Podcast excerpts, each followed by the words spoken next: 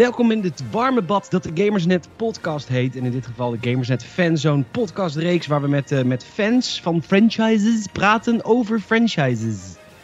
Anyhow, vorige week was het Bioshock, de week ervoor was het eerste deel van Star Wars. En nu is het inderdaad, je hebt het gelezen in de titel, het tweede deel van Star Wars. En uh, we hebben een, een gelegenheidsformatie voor dit, uh, voor, dit, voor dit epos, wat we aan het opnemen zijn. En dat is, Lars is weer aangeschoven. Hallo Lars.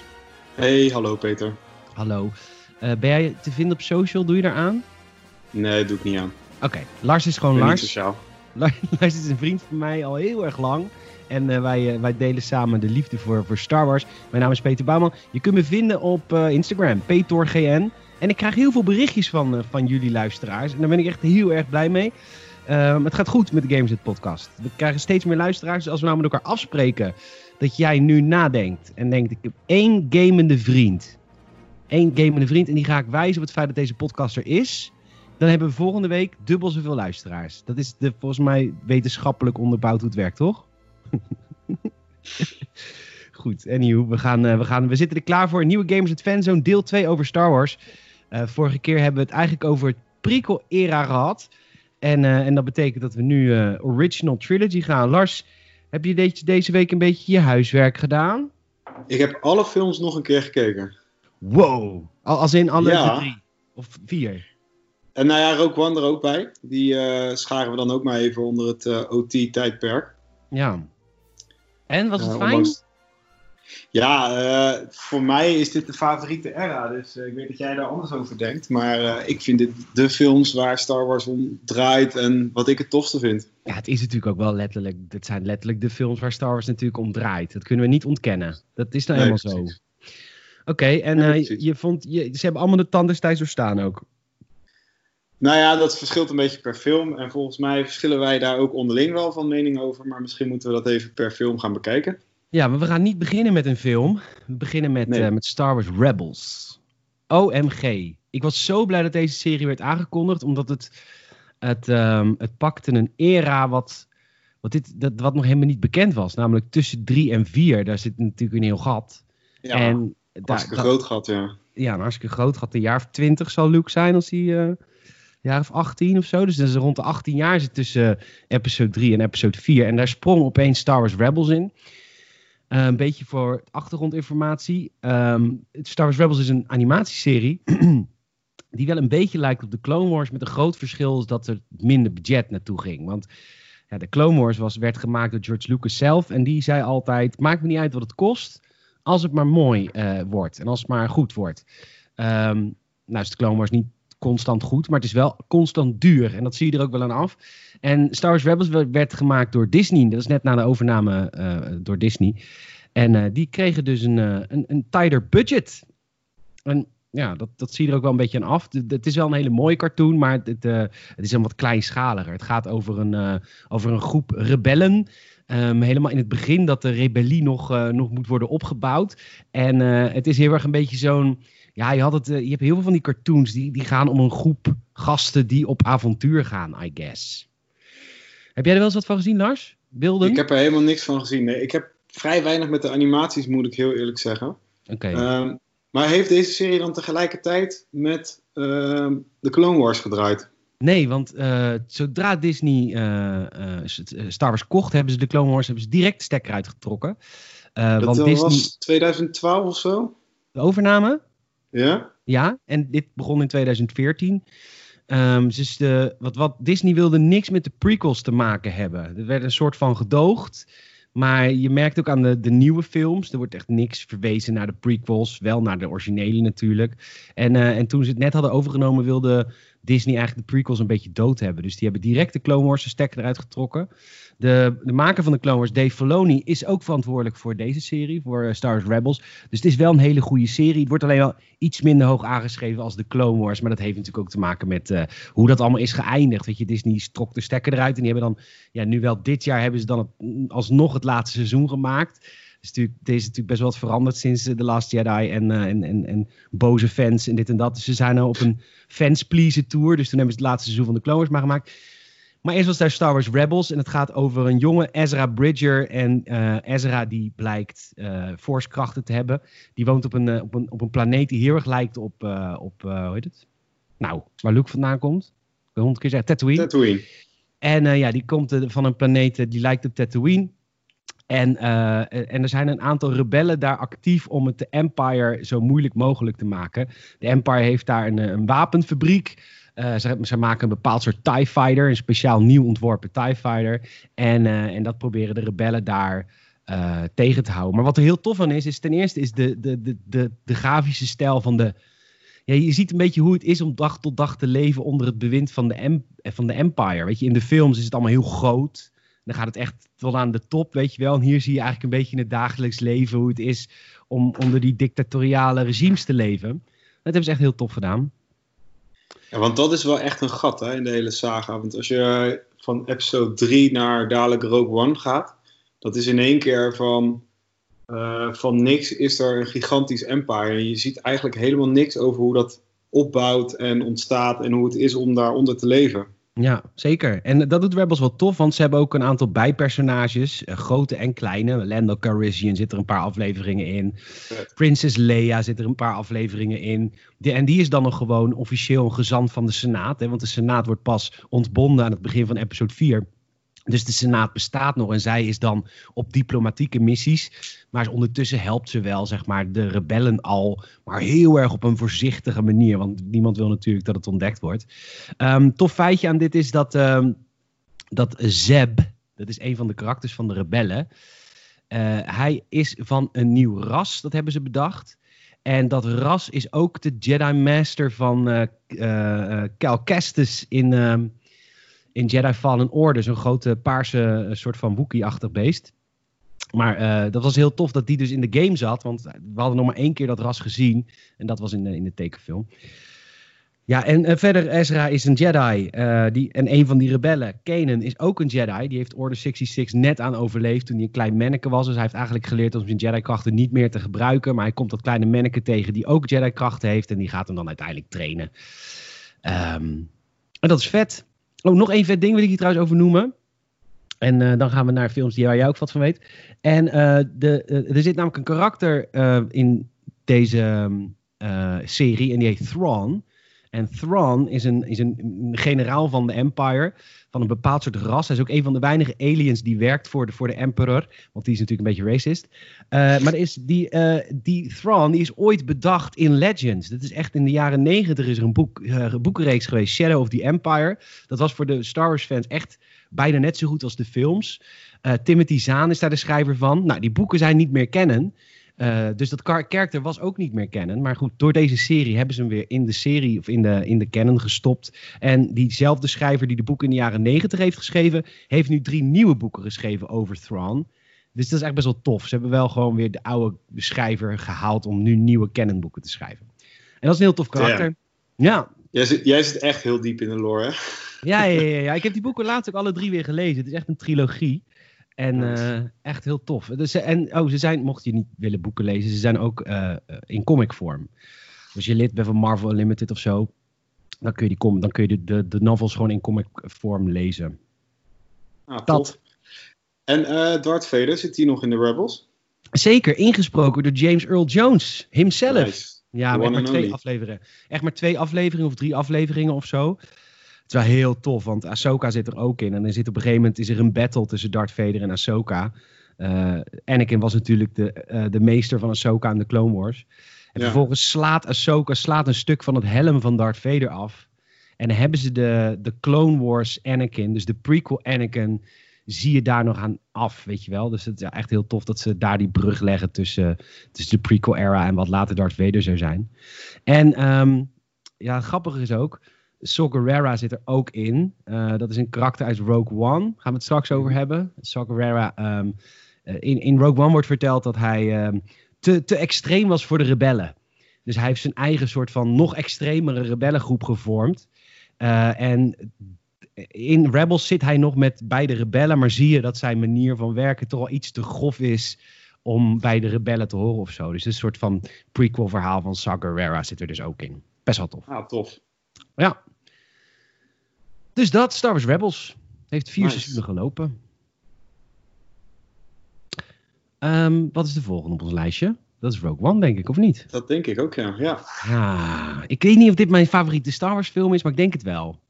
Van allemaal? Ja, het verandert bij mij een beetje. Ik vind Revenge of the Sith ook zo fucking awesome. Maar I don't know. Rogue One weet wel echt heel erg het Star Wars gevoel te capturen, toch? Ja, ik, ik vind dat nog wel, wel een bouwde uitspraak om Rogue One van alle Star Wars films dat is voor heel veel. Dat is voor heel veel fans hoor. Nou, ik vind het sowieso vind ik het wel de beste moderne Star Wars film. Die zeg maar in de, sinds de Disney overname is gemaakt. Eh, ja. ja, die film die doet echt alles goed. Die blijft zo goed binnen de canon, binnen de, de sfeer van wat Star Wars moet zijn. ja, en het is toch echt een wonder dat deze... Jezus, die film heeft ook meer dan een miljard opgeleverd. Be fucking bizar, hè? bizar. Ja, Eh, het is best wel bijzonder dat, ehm, dat deze film zo goed is geworden. Want hij is totaal herschoten en teruggegaan naar de tekentafel. Zoals eigenlijk elke, elke Star Wars film. En meestal loopt dat niet goed af. Maar in dit geval, de regisseur is ontslagen. Het hele verhaal is herschreven nadat dat de dingen zijn opgenomen. Als je oude trailers ziet van Rogue One, er zitten superveel ja. beelden in die niet in de film zijn gekomen. ja Saul Guerrero is volgens mij ook kaal in de trailer. En dat zit niet in de film. Oh, wat grappig. Super raar. Er zijn wel En, meer eh, rare dingen. Ja, er zitten ook echt een paar scènes in die, die echt wel de film maken. En die zijn later, nadat ze in de montage zaten, geschoten. Ja, hebben ze helemaal nog herschoten. Ja, ja. Ja, is wel voel je ook wel een beetje hoor in de montage. Af en toe is het wel een beetje eh, jumpy en eh, rommelig en chaotisch.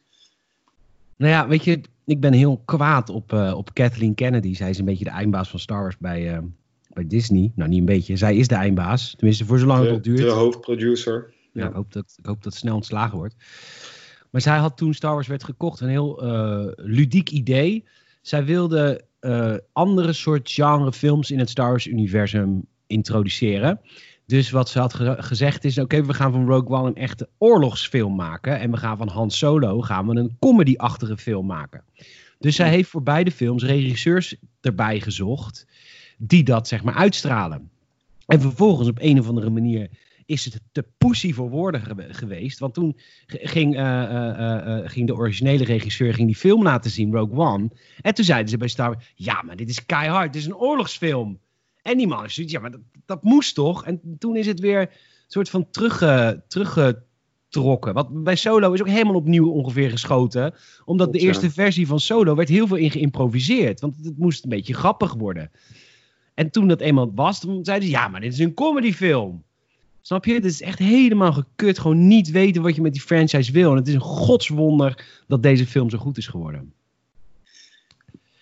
Ja, bijzonder. Het klinkt een beetje als iemand die niet weet wat ze wil en dan krijgt wat ze vraagt en dan dat dan weer een soort van de keutel intrekt. Dat, Ja. eh, ja. Wat ik wel heel vet vind aan, aan Rogue One is dat je daar ook, net als in de, in de Star Wars Rebels animaties, dat je een beetje ziet hoe het leven is onder het bewind van de Emperor. ja, klopt. Ehm, of vooral op Jeddah. Jeddah is de, is de planeet waar ze eh, de Kyber crystals ja, delven. En, van, en dat is niet alleen de kristallen voor de lightsaber, maar ook de kristallen die de Death Star eh, zijn kracht geeft. En eh, ja, dat is wel echt heel tof. Er zitten ook een paar knipoogjes naar de originele films. Weet je wel, je hebt in episode 4 zit die, die, die moordenaar die, die gewild is in weet ik veel hoeveel galaxies. Nou, die loopt daar op straat rond. Hmm. Ehm, en, en ja, ik, vind het ook heel goed geacteerd, deze film, op een of andere manier. Ja, zeker. Zeker. En ik vind ook dat, dat die, eh, het personage Jin, ehm, een van de hoofdpersonages, die speelt ook een hele toffe rol.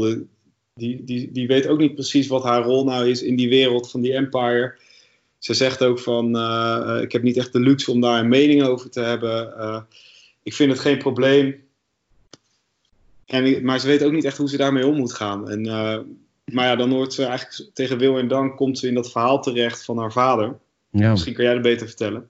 Nou ja, haar vader is de bedenker van de Death Star. Eigenlijk de techniek die de Death Star zijn kracht geeft. Eh, hij is een onderzoeker in kyber crystals. Ook voordat hij begon aan het bouwen van de Death Star. Want eh, hij en eh, Orson Krennic, ach, wat is dat een meesterlijk goede rol trouwens. Echt super goed gespeeld. Ja. Eh, ik heb hier namelijk het prequel boek voor me. Dat heet Catalyst. Rogue One Catalyst. En daar gaat het over de jeugd van, van haar vader en van Orson Krennic. Jeugdvrienden. Ehm, en Orson Krennic had altijd ongelooflijk veel respect voor, voor, voor hoe heet hij? Urso? Hm, Urso? Galen Urso. Galen Urso. Had enorm veel respect voor Galen Urso. Hij haalde altijd de betere cijfers op school. En hij, werd uiteindelijk een, fantastische ja, wetenschapper die onderzoek deed naar die, die rare kristallen die de Jedi toch gebruiken voor hun lichtzwaarden. Dat soort mythische, dat mythische element. En nou ja, uiteindelijk wordt, wordt hij gerecruiteerd. Uh, Krennic, maar ook Galen Urso. Ja, dat, dat zeg je heel netjes, gerecruiteerd. Ja, nou, in, het, in het boek bedoel ik nog wel. In het boek gaan okay. ze vrijwillig heen. In een, en dan, uh, Galen Urso wordt ook een beetje naar binnen ge, ge, gelokt. Van ja, je gaat go goede dingen doen voor de, voor de, voor de Empire. Voor de Empire hè. Je moet gewoon, je onderzoek wordt goed gebruikt. En uiteindelijk komt hij erachter, ja, maar luister, ze willen dit gaan weaponizen. Ze willen hier gewoon een, een massa vernietigingswapen van maken. Nou ja, en vervolgens uh, besluit vooral zijn vrouw, die, die, die is het helemaal nergens mee eens. Ze besluiten onder te duiken en dat is wanneer de film begint. Dan zijn ze al een aantal jaren ondergedoken en heeft Krennic hem eindelijk opgespoord. En dan moet hij het project komen afmaken, want het lukt ze niet zonder, uh, zonder hem. Nou, en uiteindelijk blijkt dat en dit is ook wel een beetje een raar soort iets in, in A New Hope. In die film was het natuurlijk best wel vreemd dat je met één schot die hele Dead Star kon vernietigen. Dus dat hebben ja. ze gepakt. En ze hebben achteraf gezegd, hij heeft er een fout in gemaakt, in het geheim. En dat fout... vind ik echt briljant. Ja, is goed gedaan hè? Ja, dat vind ik zo goed dat je met een moderne film, dat je een, een oude film nog beter kan maken. Dat je ik bedoel, er was best wel wat voor te zeggen dat je een nieuwe hoop, uh, dat, er, dat die critical error in de, in de Dead Star, dat dat een beetje ver gezocht was. En dat ze dat dan wisten doordat ze de plannen in handen hadden. Maar door deze backstory weet je dat die, die, die critical error er bewust in is ingebouwd. En dat is wel echt heel erg tof. Ja. Dat geeft um, weer een extra laag. Ja. Wat, wat ik overigens wel soort van raar vind aan deze film is dat Saw Gerrera is, uh, is een soort van de adoptievader van, uh, van Jin Urso, omdat haar vader is weggehaald toen ze jong was. En hij is te extreem voor de rebellen, maar je ziet daar ook aan de andere kant Cassian Andor, die voor de rebellen werkt en die gewoon eventjes iemand in koele bloeden neerschiet. Gewoon maar echt. In zijn rug, hè? In zijn rug. Het is niet echt een beetje laf. ja, dat is toch ook wel tof, dat je, dat je de rebellen... Ze hebben gewoon ruwe randjes in deze film. Ja, absoluut. Nou, ruwe randjes zijn gewoon keihard. Alles voor de, de cause, hè? Ja, zeker. Um, dus er, er komt hier nog een soort van mooie liefdesbaby uit. Um, namelijk. Oh, even één ding genoemd hebben over hoe vet K2SO is. Die ja, ja, ja, ja. Echt misschien wel mijn favoriete droid van, van alle Star Wars films. Geloof ik. Zo grappig. Ja, hij is extreem grappig. Hij heeft ook een soort van rare verhouding met zowel uh, Cassian Andor als Jin Urso. Ja. Um, ongelooflijk tof. Ja, hij is een hergeprogrammeerde uh, Imperial droid. Dus ja. hij staat aan de goede kant van de Rebels, maar hij is eigenlijk een, een Imperial droid. Ja, en, en dat maakt hem zo ongemakkelijk of zo. En, en hij is zo awkward, maar dat, dat is zo ja, hij heeft van die fantastische uh, one-liners als uh, There's a problem on the horizon. There is no horizon. ja, ja, als, als Jeddah wordt, wordt opgeblazen door de Death Star, is inderdaad de horizon weg. ja. ja, echt mooi. Ja, echt, uh, echt ook een hoogtepunt van de film. Deze film krijgt een staartje, omdat er is ongelooflijk um, positief op gereageerd door de Star Wars fans. er is op dit moment een Cassian Endor serie in ontwikkeling bij Disney+. Plus een van de regisseurs van The Mandalorian, dat is die, ja, hoe heet zij? Uh, dat is die, uh, die Aziatische vrouw. Ze heeft twee afleveringen heeft ze geregisseerd. Die, gaat, uh, die is daar volgens mij mee aan de slag. En um, dat gaat een hele dikke, dikke backstory krijgen. Want Cassian Endor, die wordt Fulcrum genoemd in, uh, in, de, in, de, in, de, in de film. En Fulcrum is een soort van codenaam voor een geheime informant. die ook um, in Star Wars Rebels voorkomt. Daar is Ahsoka Fulcrum. En ook weer in de Clone Wars, daar noemt uh, Anakin Skywalker de um, uh, Fulcrum. Dus dit, dat, dat die hele lijn van oké, okay, waar komt die naam vandaan? En, en, en dat wordt allemaal straks in die, in die serie uitgediept. En dat gaat waarschijnlijk over het begin van, van de Rebel Alliance. Cassian ja, Endor, ja, hoe hij het opbouwt. Zin in. Ja, maar nu, nu jij dit verhaal hebt verteld over dat uh, Rogue One eigenlijk een, een oorlogsactiefilm zou moeten worden, snap ik wel waarom Scarif er zo goed uitziet. De Battle of Scarif. Ja, hoezo? Nou ja, dat ziet er zo tof uit. Uh, al die stormtroopers op zo'n tropisch eiland. Die setting die klopt gewoon helemaal. Uh, ik vind dat echt een van de tofste veldslagen van, van, van alle films. Met een hele goede mix ook tussen de gevechten op het land en uh, de gevechten in de lucht. Met trouwens archive footage van, van de X-Wings. Met de oude piloten, weet je dat? Wat vet, wist ik niet. Ja. Tof. Ja. ja, ik vind die combinatie heel erg tof. Ja, er zitten ook uh, nog wat, uh, wat easter eggs in uh, naar Star Wars Rebels. Het, het, het, ruimteschip waar de, de Rebels uit Star Wars Rebels in zitten, zit ook in, die, in het slagveld. Boven, nice. boven, boven hoe heet die, Scarif. die zie je op de achtergrond een paar keer vliegen. Superleuk. En, oh, en de droid uit de Star Wars Rebels, het tekenfilm, die zit ook op de achtergrond ergens op de Rebel base. een ander karakter uit Star Wars Rebels wordt omgeroepen. Dan hoor je opeens over de speakers. Uh, dat zij wordt omgeroepen. Uh, ongeloof, ongelooflijk leuke knipoogjes. Vet, dus dat is top. Vet. En, oh, daar moeten we het nog wel even over hebben. Het einde. Ja, ja dat is dus zo'n scène die er later aan is toegevoegd. Hè? Zeker. In de edit uh, misten ze ja, nog wat context voor, voor Darth Vader. Nou, die heeft me daar toch een partij scène. Ja, die, heeft, die, die gaat echt badass los. Zoals zeg maar de, de fans uit de jaren 80 hoopten dat hij ooit los zou gaan. Maar dat kon gewoon toen nog niet. Maar hij gaat echt uh, dik los om die rebellen echt een kopje kleiner te maken. En vervolgens ontsnapt, uh, ontsnapt uh, Princess Leia ontsnapt met haar tentive voor ruimteschip waar New Hope straks begint. Oh my god, fucking vet. Ja, die, die gast die de hendel omtrekt zodat dat schip van Leia weg kan, dat is de regisseur van de film. Oh, wat vet. Oh, wat tof. een cameo. Heel tof. Oh, wat, dat wist ik helemaal niet. Er zitten twee CGI-characters in. in. Eén uh, heel ja. goed gelukt, vind ik. Nou ja. Ja, dan ben ik benieuwd welke je bedoelt. Ja, Tarkin is natuurlijk best wel goed gelukt. Ja, vind je? Ja. Dan ben je wel in de minderheid, denk ik hoor. Oké, ik vond Tarkin wel goed gelukt. Ik geloof wel dat het Tarkin is. Ja, ik geloof het wel. Maar ik denk ook dat als je deze film over tien jaar kijkt, dat je toch wel denkt. Hmm, ja, maar ik denk dat we alle films over tien jaar dat er helemaal geen acteurs meer nodig zijn. Ja, dat is een heel ander verhaal, maar inderdaad. maar ik denk toch dat voice je... Actors. Ja, maar ja, ik denk toch dat je het wel gaat zien hoor. Ja, dat viel me dus wel op bij de laatste keer dat ik het keek, dat ik de film keek. Dus toen zag ik wel echt duidelijk van ja, dus wel CGI en hij heeft ook best wel een grote rol in de film. Dus je ziet hem ook. Ja, heel moedig. Maar ik, ja, ik snap nooit zo goed waarom mensen niet durven te recasten. Ik, ik snap dat niet. Het is wel niet. Dat is niet raar. James Bond is ook af en toe een ander karakter, ander acteur. Ik snap ook niet dat ze Princess Leia voor episode 9 niet gewoon hebben gerecast. Dat kan toch prima? Het gaat toch om de rol, niet om de acteur? Ja, het heeft misschien wel een beetje te maken met dat uh, deze film die zit natuurlijk zo dicht op New Hope. En daar speelt, speelt uh, Peter Cushing Tarkin. Ja. Uh, die is natuurlijk overleden. Uh, maar ja, kijk, tussen die films zit in de Star Wars tijd zit eigenlijk ja, zit, een, een paar minuten. sluit naadloos op elkaar aan. Dus een uur. Misschien toch vreemd als je dan twee films achter elkaar zou kijken, dat je dan een andere acteur ziet. Ja, ja dat is waar. Oké, we gaan naar de volgende film bij jou goedkeuren. Ja hoor, kom op. Okay. Star Wars. Ja. Zo heette de film in 1977. Een Nieuw Hoop is er later bij bedacht. Hij kwam uit als ja. Star Wars. De Star Wars.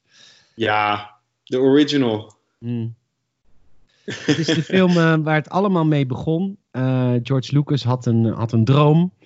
En uh, die wilde deze film gewoon heel graag maken, al heel lang. overigens heeft hij wel vrienden gehad die hem in die richting hebben geduwd. Steven Spielberg is een goede vriend van hem. Die zei, misschien moet je dit verhaal eens vertellen maar dan in een space setting of whatever. En uh, nou, dat is dan uiteindelijk gebeurd. 1977 uh, kwam Star Wars uit uh, met een budget van 11 miljoen. Wat echt weinig is, hè? Ja, ja het is meer dan Flodder. Heeft ook wat meer opgebracht dan Flodder. Ja, nou ja, ja wel iets meer, ietsjes meer. 775 miljoen dollar heeft hij tot nu toe ja. opgebracht. Um, en, en het was gelijk een hit. Mensen, vond, mensen wisten niet wat ze zagen. Ja, ongelooflijk hè. In jij, die uh, tijd. In die tijd. En jij hebt deze film uh, nog gezien van de week? Op Disney Plus toevallig? Um, ja. oh, nee, dan heb je namelijk de laatste cut. Want hij is nog laatst is er nog wat uh, aangepast. Ik heb inderdaad de remastered gekeken, ja. Heb je de, de McClunky cut heb je gezien? Ik heb geen idee. Er zijn zoveel cuts. Ik weet niet meer welke ik aan het kijken ben. George Lucas heeft, uh, weet je nog, lang geleden, 3D was opeens in, een jaar of acht geleden. En toen zouden ze alle films weer opnieuw uitbrengen in 3D. Dat is met één film gebeurd, namelijk episode 1. Die is in 3D uitgekomen. Daarna zijn ze er al snel, uh, hebben ze die niet meer uitgebracht. De rest van 3D was een hype van tijdelijk. Uh, maar toen heeft hij ondertussen heeft hij al die films wel een soort van nog een keer nagelopen voor die 3D overhaul. En uh, daardoor zijn er nu weer andere dingen. Hans shot first. Nu schieten ze een soort van tegelijk. En de, de, de Greedo, die um, Han Solo neerschiet heeft nu opeens een extra zinnetje voordat hij sterft. McClunky. Dus Ah, daarom, Jezus. hij zegt opeens McClunky en dan pff, wordt hij neergeschoten. En daarom heet dit de McClunky cut. En niemand weet waarom George Lucas het woord McClunky erbij heeft bedacht. Of waarom dat zo gebeurt. Dit, dit is weer iets typisch George Lucas. Die film is, Wat vind je daarvan? ja leuk. Hij heeft schijt Ja? Alles en iedereen. Want mensen willen dit helemaal niet. Mensen willen helemaal niet dat hij gaat rommelen aan die film. En hij denkt gewoon, fuck it. Er zijn best wel wat CGI-characters later toegevoegd. Ehm, het- dat, ja, hij zegt gewoon, ja, de techniek is nu eh, voortgeschreden. En ik kan nu mooiere dingen erin gooien, dus dan doe ik dat. Ik weet, ik vind dat wel cool. Wel Ja, echt ik snap, aan, aan de andere kant snap ik de kritiek ook wel weer hoor. Bedoel. Je kijkt inderdaad een film van, wat is het, eh 40 jaar oud. En eh, als je daar dan weer moderne CGI aan toe gaat voegen, dat, dat matcht gewoon heel moeilijk. Ja, die zangeres bijvoorbeeld in... eh, Ja, Die zangeres die zingt bij, in Jabba's Palace. een soort van rare, grootgelipte vrouw die zingt. Die ziet er zo cartoony uit. Ja. Ik vind het ook wel weer grappig. Ja. Het verhaal van eh, episode 4. God, wat komt het langzaam op gang. ja, het duurt lang hè? ja, dat heeft er ook wel denk ik mee te maken dat vooral R2-D2 en C-3PO in het begin eh, veel in beeld zijn. Ja. Opgenomen Zeker het eerste half uur. Ja, eh, opgenomen in Tunesië. Ehm Princess Leia wordt gevangen genomen door, eh, door de Empire. En eh, ze, ze, doet een droid in een soort escape pod. Ze doet de droids in een escape pod. En die moet Obi of Ben Kenobi gaan zoeken. Want het was een held van de oude Clone Wars. En mensen in, dat vond ik wel vet. Mensen van toen, nee, niet alles hoefde uitgelegd te worden nog. Dat was die, die era. Nu moet alles in films uitgelegd worden, want anders worden fans boos. En er werd gewoon helemaal niet uitgelegd wat de Clone Wars waren. Is, ja, snap je? Dat, dat was er gewoon. En dat, dat is dan later nog wel goed gekomen, maar echt heel veel later. Pas in de jaren negentig wisten we wat de Clone Wars een beetje waren. Ehm, ja, hij- ze komen aan in uh, Jabba's Palace, toch? Nee, dat is... De, eh, Nee, nee, nee. Op ze worden- Tatooine landen ze. ja, ze landen op Tatooine, ze worden gevangen door Jabba's. Yes. Duurt ook lang. Ja, ik vind het allemaal lang. Wat is er zo goed in deze film? Nou ja, eh, ja, het begin in ieder geval niet, want dat duurt inderdaad heel erg lang. Eh, op een gegeven moment ko- koopt Luke dan die droids en die... eh, op een gegeven moment gaat hij dan ook... eh, dan ziet hij natuurlijk in R2-D2 die, die message van, eh, van Leia dat hij op zoek, op zoek moet naar Obi-Wan Kenobi. Nou, eigenlijk kan je dat hele eerste stuk wel overslaan. Het wordt eigenlijk pas vet als ze op zoek gaan naar een piloot en dus bij Han Solo uit gaan komen in de, Ja, dat vind de ik ook. cantina-scène. De kantine Eigenlijk kan je, kan goed, hè? ook vanaf daar eh, beginnen. Ja, de kantinescène doet wel echt heel veel goed. De muziek op de achtergrond, de aliens, hoe dat allemaal gemaakt is, animatronics, poppen. Ah, wat vet hè. Ja, ja, ja. ja, dan gaat het wel echt leven, ja. Ja, en dat is ook sindsdien niet meer zo gelukt om een kantine scene op die manier te, te maken. Dit- ik bedoel, episodes- maar Ja, elke episode van de nieuwe hebben het geprobeerd. Het is allemaal niet gelukt. nee, klopt. Ja, ja. Er zaten twee supersterren in deze film. Alec Guinness als Ben Kenobi. En, eh, en natuurlijk Harrison Ford, die al wel eh, redelijk bekend was toen. En de rest waren en allemaal eh, onbekende acteurs voor de, voor de wereld. Want dat was allemaal veel te duur. Ja, ik hoorde dus ook dat, dat veel van de acteurs het ook gewoon niet zo heel erg serieus namen tijdens de Zeker. opnames. Zeker, zeker Harrison Ford niet. Nee, oké, daar heeft hij sowieso wel een handje van. Die, heeft, die praat nog steeds over, over die film met zo weinig kennis. Als die nu in interviews dingen wordt gevraagd. Hij wilde helemaal niet over praten. Nee, Hij, hij nee, weet, het zijn zijn films niet. nee, Uh, klopt. weird, uh, weird uh, space cowboy. Het is, het is, hij vindt alles maar vreemd en hij zat te zeiken op het script ook constant. Ja. En ehm, ja, Ja, maar ik kan me ook wel voorstellen dat. eh, moet je eens voorstellen dat je in de, in de jaren zeventig. ga je een, een, een space western maken met, met een soort van cowboy smokkelaar en ruimteridders met lichtzwaarden. Die dan ook nog eens de force gebruiken. En ik kan me voorstellen als nog nooit zo'n uh, populaire sci-fi film is gemaakt. Dat je echt het gevoel hebt van, wat zijn we aan het doen, weet je? het, Ja. het, het lijkt er allemaal nergens op. En dat gevoel dat heerste er heel erg onder de, de crew en onder de, de, cast.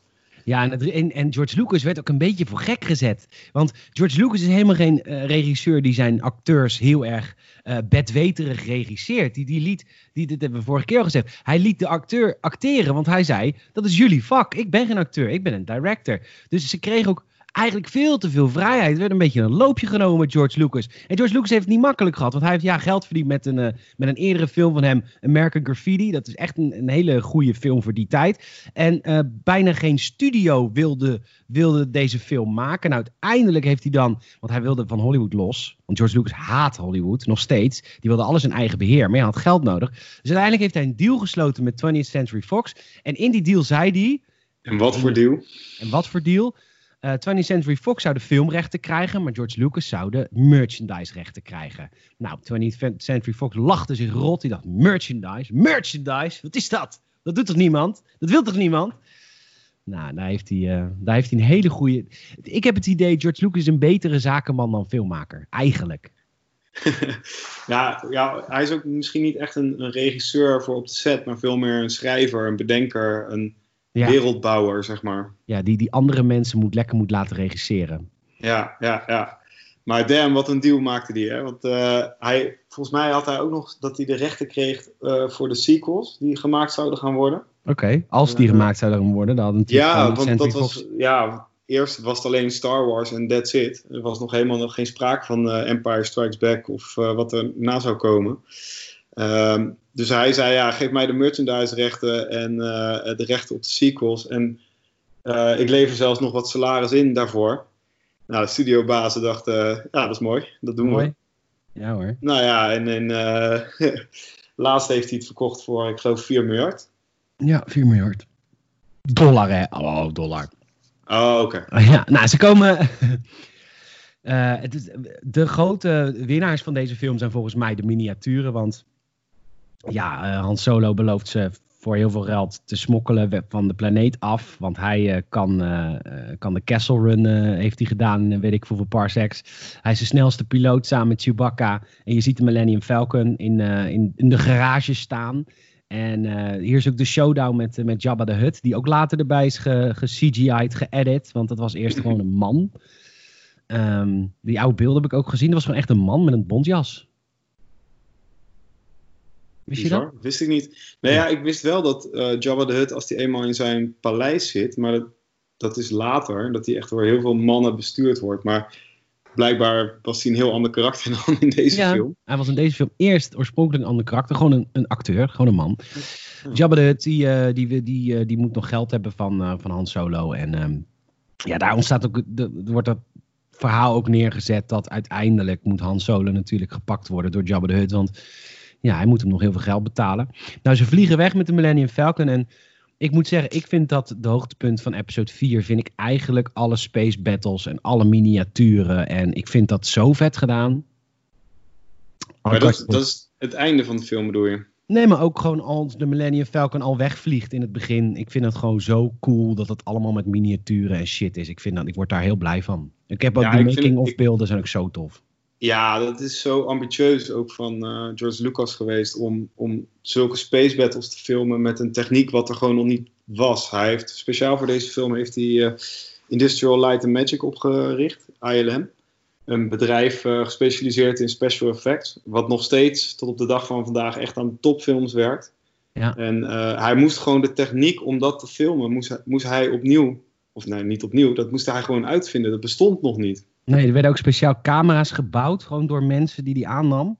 Ja, klopt. Ah, Motion control. Ja, bizar. Weet je, de ik heb die serie op eh, Disney Plus ook gezien over de Imagineers. Van eh, de, Ja. de mensen die de Disney parken bouwen.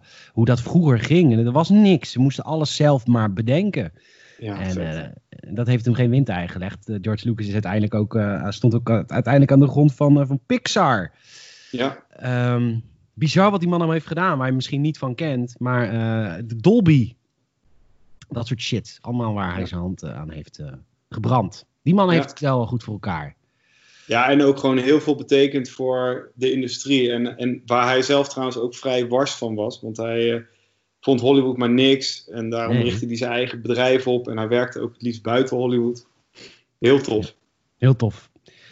Ehm, de film, ehm, wil je nog bepaalde dingen in de film highlighten? Ik denk de... eh, Nou ja, kijk, we zien Darth Vader voor het eerst. Dat vind ik wel echt... eh, ja, dat is natuurlijk wel de, de meest iconische villain aller tijden, eh, zo'n beetje. ja. Ja, die, die, gewoon geniaal hoe die de Death Star even demonstreert en Alderaan sloopt. En ook als hij die, die ruimte binnenkomt lopen met al die admirals, dat hij het even overneemt. En in het begin doen ze nog een beetje lacherig van, eh, ja, jij met je tovenarij en eh, Ja. de Force. En dan, eh, Ancient Wizardry, 20 jaar ja, geleden. Hè? precies. Ancient Religions, 20 jaar geleden. Hè? Dat zijn ze allemaal weer vergeten. Ja, Dat is een beetje een plothole. Ja, Ehm, ja overigens de acteur die de- Darth Vader ins- inspreekt is James Earl Jones. Maar dat wist de acteur die echt in het pak zat, wist dat niet. Dat hij later zijn stem eruit gehaald zou worden. Oh. En James Earl Jones werd niet gecredit bij de eerste film. Dus die heeft wel zijn stem verleend, maar die stond niet in de credits. Ehm, maar die, eh, die David Prowse, die echt in het Darth Vader pak zit, die is daar nog echt wel kwaad over geweest. Want die dacht, mijn stem komt er gewoon in. Maar nee hoor, dat was eh, James Earl Jones. Goeie keuze, zeggen we nu achteraf natuurlijk. Want eh, wat een iconische stem heeft Darth Vader hier. ja, heel vet. Heel vet. Ehm, de laatste scène is wel vet met die X-Wings en de Death Star. Die wordt opgeblazen. Ook een techniek ook, hoe ze die hebben opgeblazen. Dat was ook nog echt een ding. Gewoon proberen met rotjes en dingetjes. Echt wel tof. Wat, ehm, dit is jouw favoriete Star Wars film? Nee, dat is eh, Empire. Maar dit komt wel heel, eh, heel dichtbij. Ja, ik vind dit zo'n toffe film als je weet hoe... Vooral als je weet waar George Lucas is begonnen, echt vanaf nul. Eh, ja, het is gewoon zo'n longshot geweest om deze film te maken. En dan in 1977 hebben we het over. En die modellen van die ruimteschepen, die zijn destijds zo mooi gedraaid. Dat die film, die staat gewoon nog steeds. En dat vind ik echt wel, echt wel knap ondanks dat hij misschien wat langzaam op gang komt, eh, zijn de special effects gewoon ja, echt nog wel eh, nog steeds wel tof om te zien. En ja, ik vind gewoon ook qua storyline vet dat je de, die karakters, die, die zie je gewoon in hun gloriejaren. Dus Darth Vader, Luke, Leia, Obi-Wan, eh, R2-D2, C-3PO, Han Solo, Ch- Chewbacca. Ze zitten daar allemaal in. En dat gelijk vanaf nul. Dat vind ik echt wel heel erg knap. Ja, absoluut. Maar de beste film is de film hierna, hè? Volgens heel veel mensen. Star weet je wat Wars ertussen zit? Bedoel jij de Star Wars Holiday Special? ik heb hem geprobeerd te kijken een keer. Ik kwam er niet doorheen. Die film is raar. Dat is echt, maar dat is wel ook een beetje een product uit zijn tijd. Je had in de, in, in, tijdens de holidays in de Verenigde Staten had je altijd van die live shows op televisie. Die dan een soort, een soort een stukje dans, een stukje zang, een stukje cabaret, een stukje geëngageerd entertainment. En dat werd dan aan elkaar gepraat eh, in een show. En George Lucas bedacht, ik ga dat aan elkaar laten praten door Star Wars karakters. De familie van Chewbacca. Thuis. Ja.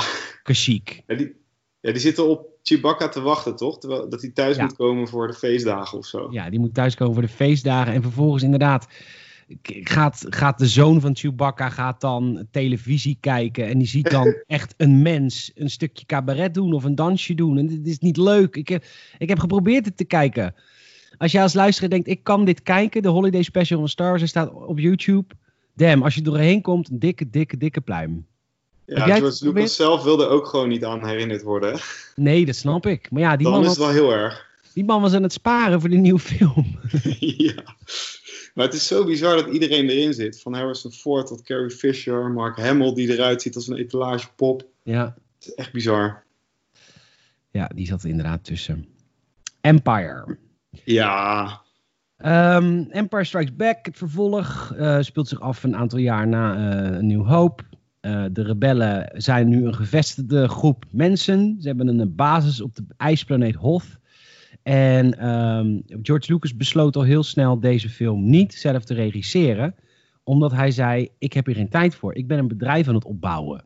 Dat was voor hem echt de reden. Hij kon niet op de set zijn, want hij was te druk met het. Ik bedoel, hij had natuurlijk een, een, een bizar succes met de eerste Star Wars. Daar werd ook geld mee verdiend. Maar uh, ja, hij moest het bedrijf opzetten. Dus hij zegt: Ik ga dit zelf niet regisseren.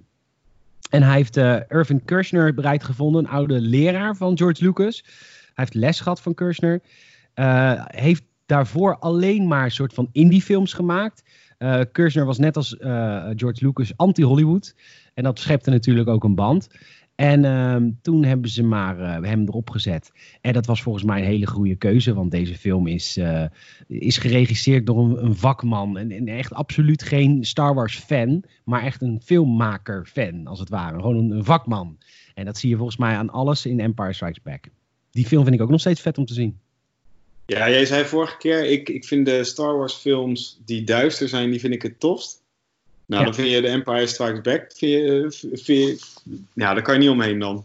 Nee, absoluut niet. Het is ook een hele duistere film waar de rebellen gewoon echt aan het verliezen zijn. Ik bedoel, ze worden gevonden op de ijsplaneet Hoth. Uh, waar de tontons worden geïntroduceerd, waar ze op rijden. Dat vind ik, ik vind het zo vet. Dat waren ook. Het, waren, het was stop motion. Het is gemaakt met stop motion. En als je meer over Empire Strikes Back wil weten trouwens, dan moet je nu even naar starwars.com gaan. Want ze hebben een hele vette. Uh, making of en een vette uh, hoe heet het, Zoom-discussie met de makers, omdat Empire nu uh, 40 jaar bestaat dit jaar. Dus dat wordt gevierd op StarWars.com, hebben ze leuke extra content voor gemaakt. En daar, een van die discussies was inderdaad, George Lucas wilde dat een Tantan, dat daar mannen in zaten. Dus dat het gewoon echt een pak was waar mannen in zaten. Maar heel snel hebben ze besloten, dit kan niet, ziet er niet uit, is te lelijk. Dus we gaan het stop motion doen. Dus ja, foto naar foto naar foto naar foto naar foto naar foto. En dat ziet er heel vet uit in de film. Ik kan niet anders zeggen. Het ziet er cool uit als je, als je Luke en Han op zijn tand dan ziet rijden. in fucking Noorwegen. Ja. Ja, en uh, behalve voor de shots van dichtbij, daar is het natuurlijk wel uh, echt een, uh, een grote life-size pop. Um, ja, de, de, de rebellen worden aangevallen en ze moeten vluchten van, van Hoth af. En één groot drama is er wat er ontstaat. en, en Luke ja, krijgt zijn training. Sorry. Nou ja, ze, ze slaan op de vlucht inderdaad vanaf, uh, vanaf Holt. En, en eigenlijk de hele film zijn ze op de vlucht. Ja, nou, uh, uh, Han en Leia zijn op de vlucht. Luke, die gaat gewoon lekker even naar Dagobah. Die gaat gewoon ja. even... En ook, we worden ook weer geïntroduceerd door vette karakters hè, in, deze, in deze film. Ik bedoel, Luke gaat naar Dagobah om daar Master Yoda te ontmoeten. Ja. Master. Ja, Yoda, dat is toch wel het beste niet-menselijke karakter ooit, denk ik. Nou, ooit ook echt? Ja, van alle films ever. Ja, vind ik wel. Oké. Okay. Ja, dat denk ik, ja, je zou gelijk kunnen hebben. Um, Luke krijgt daar les van, van, van Yoda, die veel te oud is, Luke natuurlijk. En uh, dit is misschien wat ik, toen ik vroeger de films keek, was het nog niet echt het geval. Toen dacht ik, Luke is alleen maar goed. Maar ik vond Luke heeft ook echt wel een duistere kant. En dat merk je in The Empire Strikes Back. Dat hij wel zijn emoties niet in bedwang heeft. Wat je als, als goed opgeleide Jedi wel zou moeten hebben. Ik bedoel, als Jedi moet je afstand nemen. Dat is verplicht. Je mag wel lief hebben, maar je mag jezelf niet binden. Want als iemand overlijdt, dan gaat hij op in de Force. En dan moet je helemaal niet terug over zijn. Maar net als zijn vader, Anakin Skywalker, kan hij het niet verkroppen dat zijn vriendjes uh, in gevaar zijn. En hij besluit ook zijn training af te kappen daarvoor. Vind ik wel een ding, ja. Luke. Ja, ja, ja. Uh, help me even, want waarom zijn uh, Han en Leia die gaan naar Cloud City? Waarom gaan ze naar Cloud City? Nou ja, ze zijn gewoon op de vlucht. Eerst krijg je nog die meteorietenregen waar ze doorheen gaan en dat ze dan in die, in die worm zitten. Oh ja, ja. Dat vind ik een heel stom stuk in de, in de film. Ja, ik ook hoor. Dat, uh, dat sleept een beetje. Ja. Maar het is gewoon tof dat ze, ze, ze verlaten gewoon in blinde paniek verlaten ze Holt. En aan de ene kant heb je de Millennium Falcon crew met uh, uh, Lea en Han en uh, Chewbacca. En aan de andere kant heb je dus Luke die naar Dagobah gaat. En die twee die, die, die, die splitsen hun wegen. En dat zijn gewoon twee totaal verschillende verhaallijnen. En de Millennium Falcon gaat dus naar Cloud City, want Han die kent dus nog Lando daar. Ja, en die kan hem onder het dak bieden. Maar ja, dat uh, blijft geen veilige thuisavond zijn. Nee, absoluut niet. Uh, tof daaraan vind ik dat, dat op een gegeven moment C-3PO wordt in, in stukken gescheurd. dat vind ik wel echt heel tof. En daar kom je ook voor het eerst het ras tegen wat uiteindelijk in de Mandalorian zit. Ja, die Boba. kleine... Huh? Boba Fett. Nee, nee, die kleine soort varkentjes. Die, eh, nou ja, goed. Ik, ik had dit, eh, dit heb ik niet paraat, deze kennis. Hoe heet het ook alweer? Nou, maakt verder niet uit. Ehm, maar Lando, eh, Cloud City zag er, trouwens, je moet beelden zien van hoe Cloud City er vroeger uitzag. Daar is ook heel veel in bewerkt. Alle achtergronden bijvoorbeeld, die waren vroeger heel statisch. En er zitten nu echt eh, bewegende CGI-ruimteschepen die op de achtergrond vliegen in Cloud City en dat soort shit. Hebben ze heel veel, heeft George Lucas heel veel aan veranderd. Ehm, eh, maar uiteindelijk wordt, worden ze verraden. Maar dit is ook wel een beetje het liefdesverhaal tussen, tussen Han en Leia, hè? Ja, dat begint al op hot. Dan zitten ze al een beetje, zit, zit allemaal een beetje eh, te zeuren dat hij zich niet laat piepelen door, eh door Scruffy, prinses. scruffy looking nerf herder. Ja. Hoe scruffy looking? ja, dat is goed hè. Ja, dat is heel goed. En eh, uiteindelijk worden ze verraden door Lando, want die, die heeft een soort van eigen, eh, die heeft een eigen planeet, dus het is Cloud City. Zij leveren brandstof voor de Empire. En hij maakt een soort van deal van, luister, ik mag ik mijn eigen handeltje hier houden. Eh, in ruil daarvoor dan geef ik Han en Leia op. En dat doet hij. Eh dat is niet heel lief. Ehm, en dan vervolgens eh, wordt Han ehm, in Carbonite opgesloten omdat hij terug moet naar Tatooine. Want Jabba de Hutt heeft een heel dik, dikke bounty op hem, eh, op hem gezet. Ja, weet, je, weet je waarom dat is? Dat hij in Carbonite eh, wordt ge- gegooid. Weet ik niet. Ja, meer, dat is meer een praktische reden eigenlijk. Omdat Harrison Ford dus zo'n zo'n enorme lul was tijdens de, de, de, de draaidagen. Had- Hadden ze het idee van, ja, we weten niet of hij wel voor een derde film gaat tekenen. Oh, wauw. Dus ze wilden hem niet eh, eh, in deze film aan het einde nog in leven hebben. Want dan zouden ze hem sowieso moeten tekenen. Ja, precies. Dus ze hebben hem nu een optie. Ze hadden een, een way out. Ja, Ja. Grappig is ook wel dat het I Love You, I Know is door, door eh, Harrison Ford bedacht. Ja, het is improvisatie hè. Ja. En dat is echt een van de meest geniale zinnen in die film. I love you, I Ja. know. Ja. Dat zegt alles over Han. ja, het arrogante klootzak. Ook over de acteur. Ja. ja, ik denk dat zijn rol best wel dicht bij zijn karakter ligt.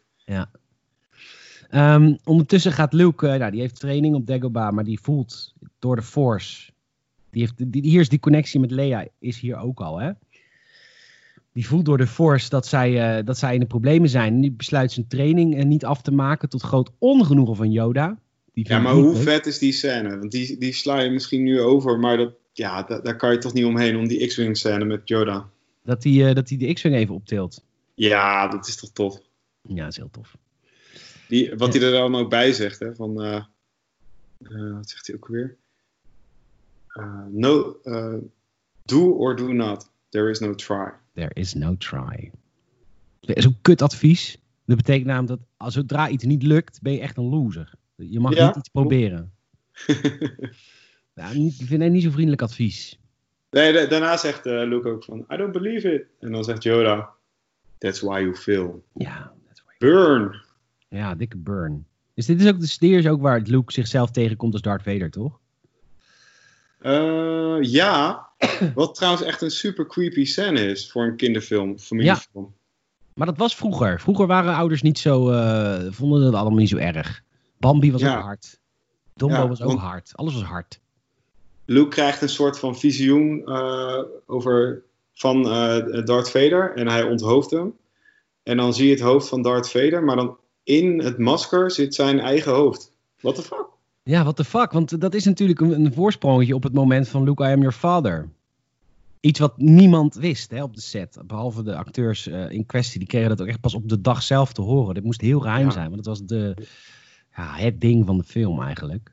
Ja, Wel vet, wat ik vet vind ook aan Cloud City is op een gegeven moment dat, eh, dat Han Solo gaat naar binnen en die ziet daar Darth Vader, die richt zijn gun en dan pakt gelijk Darth- schieten. ja, maar dan pakt Darth Vader met de Force die gun en dat was echt een vet moment vroeger hoor. Dat was echt Ja. de Force in actie zoals we het nog niet eerder hadden gezien. Ja, ja, ja, ja, ja. Ehm, En- nou ja, Ja, nee, daarna gaan ze gezellig dineren. ja, dan gaan ze gezellig dineren. Ehm, dit, ja, het moment eh Luke bevrijdt. Nou ja, ze worden eigenlijk niet bevrijd. Tenminste, Han Solo niet. Die gaat mee met Boba Fett. Waarom Boba Fett een populair karakter is, ik weet het niet. Kun je het me uitleggen, naar aanleiding van deze film? Nee, zo groot is zijn rol niet en eh, Helemaal niet. bijna geen tekst. Maar Nee. hij ziet er gewoon ontzettend tof uit. Zeker. Ja, dat is waar. Dat is het, Volgens denk mij- ik. Volgens mij is hij later nog gedubt door de acteur uit de prequels. Oké. Omdat is de, dat, is natuurlijk de, dat is natuurlijk zijn rol. Zijn, hij, hij was een klein manneke, dus de, eh, Django Fett heeft hem volgens mij later eh, opnieuw ingesproken na de prequels. Zodat het weer zou Ja. kloppen met de prequels. Ja, wat Eh, ik ook tof vind is eh Darth Vader. Die, die, die... Kijk, alles in de, de Empire Strikes Back staat gewoon in, in teken van eh, ehm, Darth Vader die Luke wil vinden en eh, de confrontatie aan wil gaan. En hij gaat zo ver dat hij zelfs Bounty eh, Scum in gaat huren. En dat is Ja. de eerste keer dat je volgens mij Boba Fett ook ziet. En dan daarnaast staat dus de droid uit Mandalorian. IG-11. Ja. Dit is IG-38 volgens mij, of IG... Oh, Het is een hetzelfde andere type, droid. toch? Het is hetzelfde type droid, maar het is wel een andere droid. oké. Nou, dat, maar- dat vind ik wel echt, eh, echt tof. Dat je dat dan weer in de Mandalorian later weer terugziet. Ja, zeker. Al, al, had je de, al had je de Clone Wars gezien, had je er nog wel een paar van gezien hoor. Oh, nice. Eh, ja, al, trouwens van allemaal. Ook van die eh, Lizard Guy. Eh, die, die komt ook voor in, eh, in de Clone Wars. Ehm, Oké. Eh, Luke, I am your father. Het moment van, van uit film. een van de grootste momenten in filmhistorie. Denk ik. ja, ja, ja, denk ik ook. En, ja. en ja, als je dus de prequels op volgorde kijkt, is dit geen verrassing meer. Nee, helemaal niet, nee. Daarom zeggen, dat is de, de, de, de, de manier om te kijken. Deel 4, deel 5, dan 1, 2, 3, dan 6. Ja, Omdat je dan alle verras- verrassingen nog hebt. ja precies. Ja. En eh, de- deze ontwikkeling in het eh, verhaal is ook pas bedacht tijdens het schrijven van de, de Empire Strikes Back. Hè. Het is niet zo dat eh, George dit al wist tijdens een nieuw hoop. Waarom heet hij dan Vader? Dat was toch de, de stille hint? Of is dat, dat was er niet waar? Dat, is, dat dacht ik. Darth Vader. Ja. Mm, Oké. ik denk nou, dat het een, eh, een soort eh redcon dingetje is. Oké. Eh, is, het, is het zelfmoord of niet van Luke? Denk het wel. Ja, tuurlijk. Ja, dat denk ik ook. Het slaat ook nergens op waarom hij denkt dat te overleven. Het was een heel groot gat en hij valt gewoon echt hard neer en hij overleeft. Het is ook raar ook. Ja, nou ja, er zijn mensen of, eh, die beweren die, dat, dat dat dan ook de force is. Dat hij dan weer goed terechtkomt. Dat kan. Maar ja, Sinds de Jedi play. kan alles met de Force. ja, inderdaad. Dat heeft eh, Ryan Johnson even goed, goed gemaakt voor George. Ja, Ja, ik wil deze afronden. ja, Eh, alles, alles loopt slecht af. ja. alles is gewoon naar de tyfus. hand eraf bij Luke. Ja. Ja, goede film. ja, dat is wat die, goed, wat die film zo goed maakt, denk ik. Ehm, heeft minder opgeleverd dan de eerste. Een stuk minder. Ja. En moet je je voorstellen dat je deze film eh, destijds in de bios hebt gezien en dat, je, eh, dat de film afgelopen is en dat er eigenlijk geen goed einde aan zit. Je, weet, je moet gewoon weer drie jaar wachten en je weet totaal niet welke kant het op gaat. Ja, klopt. Ja, want in 1983 komt eh, Return of the Jedi. Voorheen Revenge of the Jedi. Waar ook posters van zijn. Er zijn mensen die hebben een posters van de oorspronkelijke titel Revenge of the Jedi. Die al veranderd is voordat die uitkwam, de film. Maar toch waren er al posters gedrukt. Die zijn, er zijn nog posters met Revenge of the Jedi. Dat is wel heel tof. Maar het werd uiteindelijk weer denk dat denk ik ook. Het werd uiteindelijk Return of the Jedi, omdat eh, George Lucas het te negatief vond, te veel eh, op, het, op, het, op het dark side aspect van de Jedi focuste. Eh, ik dacht serieus dat deze film, ik lees nu dat deze film niet geregisseerd is door George Lucas. Ik dacht van wel namelijk, maar nee. Het is de ene soort van. Je, zie, je merkt aan mijn kennis, ik weet ook echt minder van de original trilogy dan van de andere films. Richard Marquand heeft deze geregisseerd. Nou, wist ik niet. Eh, hetzelfde budget als episode 3 of als episode 5. En levert weer iets minder op. Eh, ik vind Return of the Jedi een hele leuke film. Maar het is wel een beetje. Want wij, wij zeiden van. eh, wat eh, wat J.J. Abrams met episode 7 heeft gedaan. is natuurlijk een beetje makkelijk. Dus opeens nog een Dead Star die nog weer Ja. groter is. Maar George Lucas heeft dat zelf ook gewoon gedaan. Met episode Ja, 6. klopt.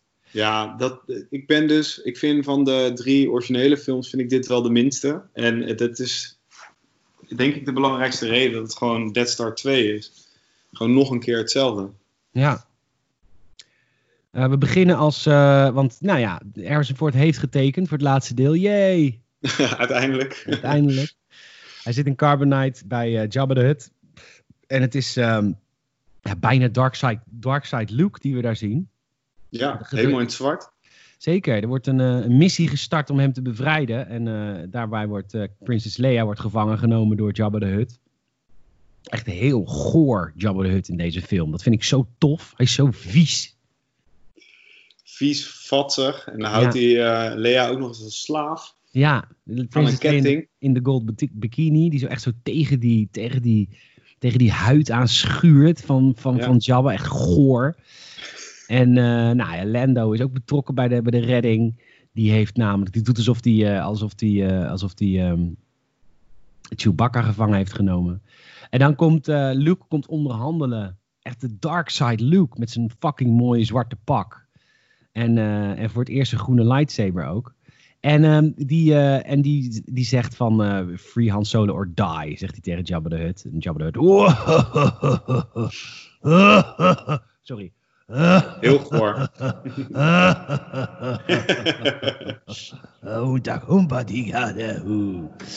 En uh, nou, dan gaat uh, de, de klassieker Indiana Jones truc, een gat in de grond. Indiana Jones ook natuurlijk van, uh, van George Lucas. Um, gat in de grond en ja, ook weer, Luke valt ook in, in het gat van weer een heel goor, goor wezen en een gore man die dat, die, die, die, het wezen ook een soort van het baasje is.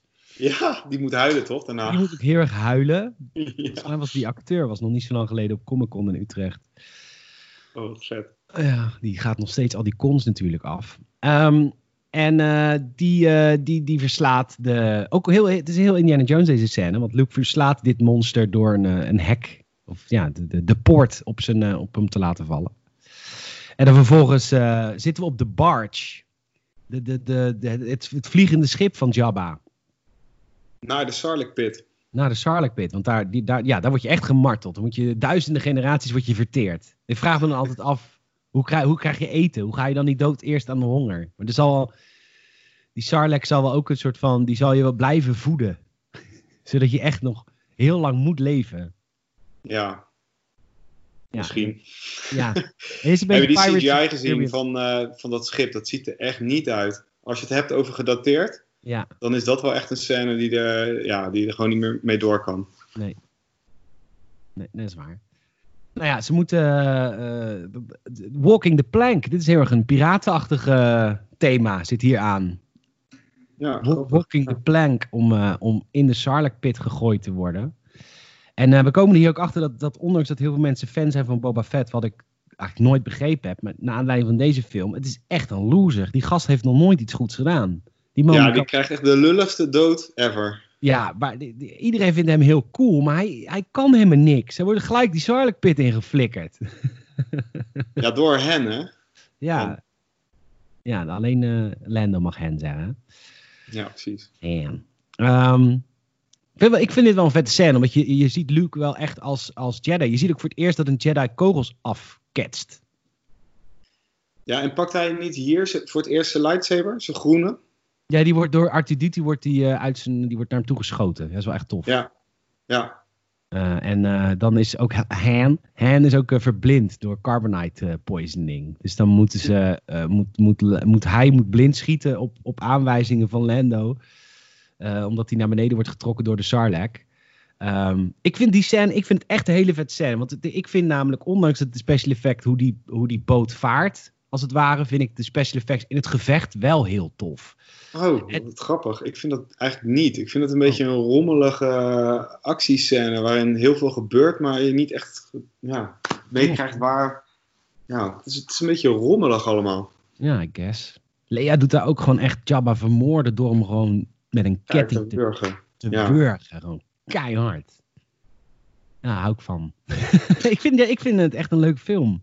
Return of the ja, ik vind dus dat een nieuwe of uh, uh, Return of the Jedi vrij langzaam op gang komt. En ik, ik heb niet zo heel veel met de scène van Jabba the Hutt ervoor. En bij de Sarlacc pit vind ik het een beetje chaotisch. Ja, het duurt een beetje lang allemaal. Het duurt een beetje lang allemaal, wat ik met, met, met episode 4 heb. Ja. Ja, oké. Okay. Nou ja, prima, maar het er niet uit. Dat is het ding toch?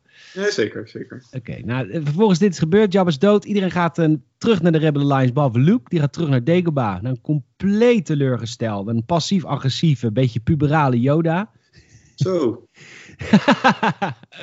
ja, die, nou, die is ook aan het sterven, dus dan mag het ook wel.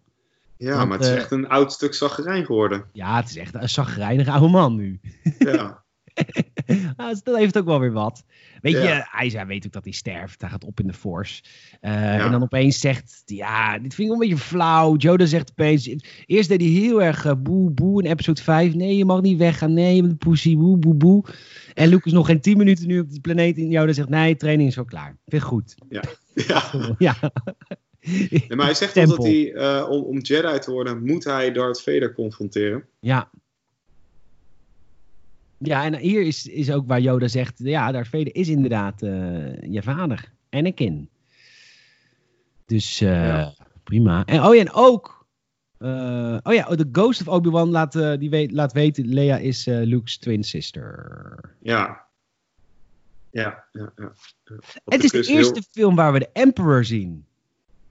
Ja, in, in real life, hè? Want in, in Empire Strikes Back zit hij wel als hologram.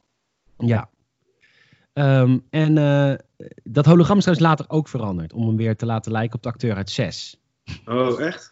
ja, was eerst ook een andere acteur. Jezus.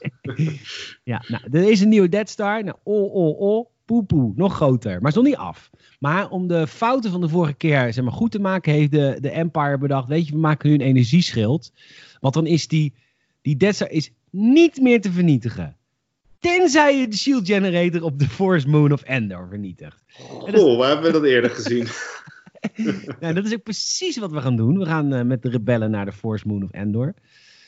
Grappig is trouwens, een van de soldaten van, uh, die ergens op de achtergrond uh, rondloopt, is, een, is iemand met een witte baard. En die lijkt enorm op, op de, hoe heet het, op de clone trooper uit, uh, uit, uh, uit Star Wars Rebels. Er, is, uh, er zijn drie clone troopers die het nog hebben overleefd. En die zijn inmiddels heel oud geworden, hè, want ze worden dubbel zo snel oud. En die heeft zo'n witte, witte baard. En het, gaat, het gerucht gaat dat, dat ze dat hebben gedaan om hem te laten lijken op iemand van die groep op Endor. Hoe vet is dat? Oh, nice. nice. Nou ja, dus, dus een, het, is, het is een ground assault dit keer ja, er, komt ook later wel een, een, een, een, assault in de lucht. En um, ze moeten dus op de Force Moon of Endor moeten ze uh, dus die, die schild vernietigen. En dan komen ze uh, de, de Ewoks tegen. En ik moet zeggen, toen de, de, film verscheen in de tijd, waren heel veel mensen vonden de Ewoks niet tof. Nee. Nou, echt niet tof. Nee. Ze vonden dat een beetje dit soort van de Muppet Show. Ja. Ja. Dat is het ook, toch? Ik vind ja, dat dacht ik al. Natuurlijk, is fucking vet, want ze eten mensen. Het is echt heel cool. Ja. het zijn echt gewoon... Het zijn brutal aliens gewoon, hoor. Niet ja. gewoon in een lief jasje. Jij vindt ze stom. Toevallig ook, nou ja, die toevallig ook heel goed kunnen verkopen als knuffel. ja, ja, ik zou er wel in willen. Ja, dat dacht ik al. Ja. Nee, ja, ik vind het een beetje misschien ook omdat ze niet uh, kunnen praten of, of praten in uh, Ewoks, zeg maar. Ja, ik, ik, ik, heb er gewoon niet zoveel mee. Ik vind dat een beetje uh, kinderlijk worden of zo. Een beetje te lollig, te knuffelbaar. Oké. Okay. Ja. Mm, Oké, okay, nou, ik vind ze vet. Want ze zijn, zijn kaarde kannibalen en kaarde warriors. Ik vind dat vet.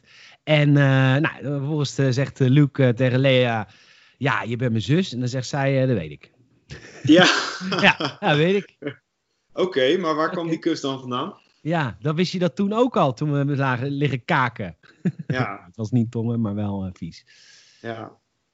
ja. Maar dat is echt een, uh, een blokje goede tijden, slechte tijden, wat daar allemaal uh, over en weer wordt verteld. Want, want Luke vertelt daar ook dat Darth Vader dus haar vader is. Mm -hmm. Waar overigens helemaal niet meer verder op wordt ingegaan wat dat voor Lea betekent. Wat ook raar is. Ja. Lea geeft geen kick. Die zegt gewoon van... Maar het is ook een ijskonijn, dat weten we. Ja, dat is waar. en uh, wat vind je van de speeder chase? Ja, zo lelijk. Als je dat nu terugziet. Ja, als je het hebt over matige CGI. Nou, dan uh, is dat wel echt slecht hoor. Nee, ik vind dat wel heel erg gedateerd. Oké. Okay. Nou, Luke gaat eh, samen met Darth Vader naar de, naar de nieuwe Death Star om de Emperor eh, te, ja, te, te, te ontmoeten. Meet and greet. Ja. Ja, en eh, ondertussen is er een, is er dus de, hebben ze de Ewoks, of de Ewoks gevraagd om te helpen met het verslaan van, van de Emperor Empire op, op Endor, om die, om die schild uit te zetten. Eh, dus dit zijn eigenlijk drie scènes. Je hebt het op, eh, op Endor, je hebt, dan heb je Luke met, eh, met, met de Emperor. En ondertussen heb je Lando Calrissian en Admiral Akbar in de lucht, die een, een, een aanval doen op de Death Star. Ja, ik, ik vind die, die Endor-scène van Ewoks tegen de Stormtroopers, dat vind ik, ja, dat, dat, dat, is niet mijn ding. Jij vindt het echt een kutfilm. Nee, nee, nee, nee. Want dit is wel het moment dat de weg. film gaat beginnen, voor mijn gevoel. We zijn halverwege, maar het wordt eindelijk leuk. Er gebeurt wat. Eh, maar ik vind gewoon dat, dat eh, ik bedoel, waarom hebben die stormtroopers bepansering als Ewoks met fucking stenen en stokken eh, die, die stormtroopers neerkrijgen? Ik bedoel, ik weet dat het kanonnenvoer is, maar als zelfs grote Furbies ze neer kunnen krijgen, dan, ja, dan stellen ze echt helemaal niks voor. I guess. En wat ik wel belangrijk is in deze film is dat uiteindelijk, eh, want ik, eh, Anakin, ik moet, ik moet het ook een beetje afronden, want er komt straks een persconferentie over de PlayStation 5. Ehm, dus dan weet je weer gelijk de dag dat het opgenomen is. Ehm, uiteindelijk is het belangrijke van deze laatste film is dat Luke niet opgeeft. Luke gooit zijn lichtzwaard weg.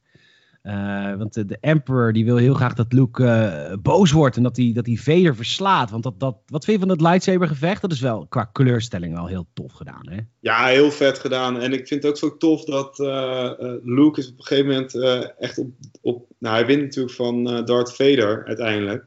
Hij is echt op hem aan het inhakken gewoon. Echt bovenhands met twee handen. Gewoon keihard aan het slaan. Ja, En de Emperor op de achtergrond is echt zo'n teringleier die de hele tijd eh, zegt... Good, good. ja, is dat. Wat olie op het vuur gooit. Ja, ik vind dat een hele toffe scène. Dat is ook wat, wat de film uiteindelijk voor mij wel echt goed maakt. Ja. En uiteindelijk zegt, eh, zegt de Emperor tegen Luke, eh, strike, strike Vader. En dan, dan zegt Luke, dat is, en dat is eigenlijk het knapste wat je kan doen als Jedi. Nee, en dan gooit gewoon zijn lightsaber weg. En dan, dan, gaat, dan krijgt hij Force Lightning op zijn op op op flikken. En dan komt het moment dat Anakin toch echt de Chosen One is. Nou ja, neem wel tot de Rise of Skywalker. wat, het, wat alles red komt. En, eh, die, eh, en, en, en Anakin, Darth Vader, die, die pakt de, de Emperor op en gooit hem in een eh, reactor shaft. En die is dood. en dan Ja. nou, is hij uiteindelijk de Chosen One. En dan gaat Luke nog zijn vader zien. Voor het eerst en de laatste keer. Ja, dat, dat vind ik zo'n mooie scène. Ja? Ja, dat vind ik echt heel tof. Hij sleept de, de, de machtige Darth Vader sleept hij naar zijn ruimteschip toe. Terwijl je echt op de achtergrond ziet dat de Death Star 2 eh, eh, geëvacueerd wordt. Iedereen is aan het rennen. Niemand kijkt meer om naar Darth Vader. En dan, dan vraagt hij om zijn masker af te doen. Ja. Heel tof. En dan eh, ondertussen buiten wordt inderdaad eh, is, de, de- het schild is uitgeschakeld. Dus buiten gaat Lando, die inmiddels de, de bestuurder is van de Millennium Falcon. Zijn oude schip, zoals we allemaal weten, in Solo. Of dat wisten we al, maar dat hebben we nu uitgelegd gezien in Solo. En eh, ook natuurlijk eh, Admiral Akbar. It's a trap! It's a trap. Ja, en eh, Wedge Antilles, die, die gaat uiteindelijk de main reactor in om hem kapot te schieten. En grappig is, de acteur die Wedge Antilles speelt, die zit ook een fractie van een seconde in de, de Rise of Skywalker. Maar daar komen de volgende aflevering op. Ja. De tweede Death Star explodeert. En, eh, en eh, Vader wordt gecre- gecremeerd. En het is feest bij de, Wook, bij de Ewoks. Eén grote rave party. Eén grote raveparty met allemaal ja, afgehakte hoofden op, op staken. En die wordt gewoon gezellig als drumstel gebruikt. ja, Zo ging dat in die tijd. Zo ging dat in die tijd, lang geleden in de Galaxy Far Far Away. Ja. Nou, en dan ondertussen wordt, eh, is ook Anakin nog erin ge- geknipt. De, de, de prequel Anakin is erin geknipt. Ja, dat is ook zo raar, toch? Want in de eerste versie zien we dus de, de, de, de eh, Darth Vader, gespeeld door de acteur, die dus zijn masker afzet. Ja, Dus, en dan in de, de, de latere versie zien we dus de jonge Anakin van de prequels ja, daar nou, staan. weet je. ja, en er zijn ook een aantal steden erbij geknipt. De Naboo Ja, is erbij gehaald. Coruscant is erbij gehaald. Zeg maar, alle steden die eh, in de prequels zaten, die hebben hier ook een, eh, een, een, een festiviteitenshot. Yay! mhm. De Emperor is dood. En nu is het uh, klaar. Het verhaal is over. Niks meer aan doen. Dit was een goed verhaal. Laten we hier gewoon stoppen. Het boek is dicht. Het boek is dicht. De Galaxy is vrij. Het is niet Dat zo. had wel beter geweest, hè? het is niet zo. En uh, we gaan het de volgende aflevering dus hebben over, uh, over de sequel era. En de sequel era, ik ga vast even een kleine, kleine opzetje geven. Dat is over twee weken. De volgende Games Advance gaat over Splinter Cell, kan ik je alvast vertellen. En de week erop gaan we het over Star Wars weer hebben, deel 3. En dan gaan we het hebben over de game Star Wars Battlefront 2. Die begint ten tijde van de Battle of Endor. Uh, we gaan het dan hebben over Star Wars Resistance. Een uh, prequel op de sequel trilogy, tekenfilm. Die ik nog moet zien. Het schijnt namelijk niet zo goed te zijn, maar ik ga me er voor jullie doorheen wurmen. Uh, The Mandalorian komt langs. Natuurlijk het grote succes van Disney Plus nu. En dan episode 8, of episode 7, episode 8 en episode 9. Ja, en daar, ook daar verschillen we volgens mij behoorlijk van mening over. Zeker, ja, zeker weten. Ja, absoluut. Heel erg. Jij hebt ook geen zin in de komende aflevering. Ik best wel. Ja.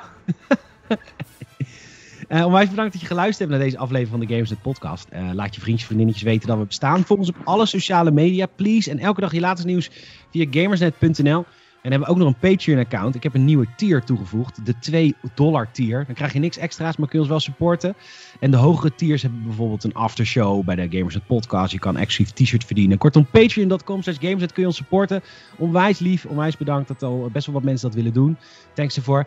Uh, Lars, onwijs bedankt dat je, dat je weer hebt meegedaan hier met deze podcast. Ja, jij bedankt. En uh, tot het derde deel. Tot het derde deel, die is over twee weken. De Gamersnet fans en de, la in de, de, de drie luik. de drie luik fanzone over Star Wars. Uh, dat uh, de laatste aflevering is over twee weken. Bedankt voor het luisteren en tot de volgende. Oh ja, moet ik.